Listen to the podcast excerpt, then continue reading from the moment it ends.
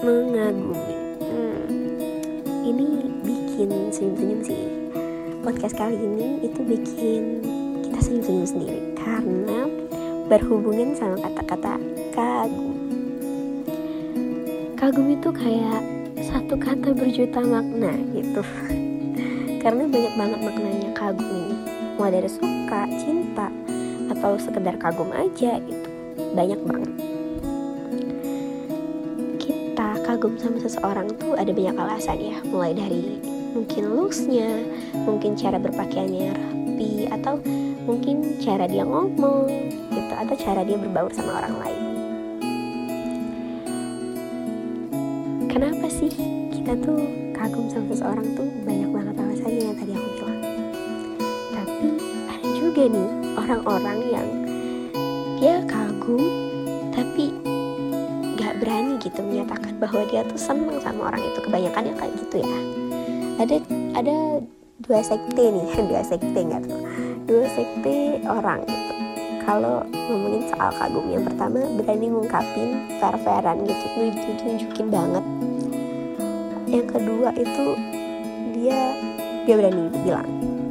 Ya kebanyakan orang pasti nggak berani bilang ya karena takut menjauh or something like that jadi kita kagum sama seseorang itu apalagi yang belum kita bisa kita dapetin ya atau dari kejauhan banget gitu ya. Itu memang lebih menarik daripada orang-orang di sekitar kita. Memang banget itu pasti banget semua orang merasain itu. Tapi nih kebanyakan nih setelah kita deket sama dia dan gak sesuai sama ekspektasi kita kita merasa kayak aduh tahu tadi mending jauh deh mending jauh deh gitu itulah mengapa kebanyakan orang sebenarnya lebih memilih memendam karena ada rasa senang gitu saat melihatnya walaupun dari kejauhan walaupun dia nggak tahu sifat aslinya gimana gitu. Sebenarnya ada banyak banget alasan seseorang kenapa memilih memendam. Yang pertama tuh mungkin dia takut untuk menyatakan yang tadi aku bilang. Udah gitu merasa dirinya nggak pantas nggak percaya diri. Banyak hal tapi nggak semua orang yang memilih memendam itu takut menyatakan atau mewujudkan hal itu. Bisa aja dia deketin gitu. Bisa aja dia kayak sok kenal sok dekat gitu dekat gitu. Bisa aja sebenarnya. Cuman dia lebih memilih untuk tetap berada di ekspektasinya dia dan tetap menjauh agar ekspektasi dia tuh gak hancur gitu.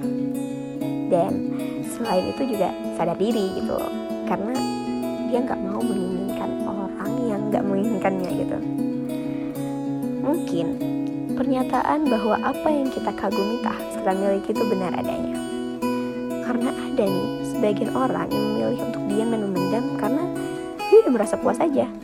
Dengan kata lain dia tidak memaksakan diri untuk menginginkan sesuatu yang tidak menginginkannya tadi. Sebab Menginginkan sesuatu bukan berarti dia harus menjadi milik kita. Cukup dengan kagumi dan jadikan itu sebagai hak penyemangat untuk menjalani hari. Ingat, level tertinggi dalam menginginkan sesuatu adalah dengan mengikhlaskannya. Terima kasih sudah mendengarkan cerita yang kami berikan. Bye-bye.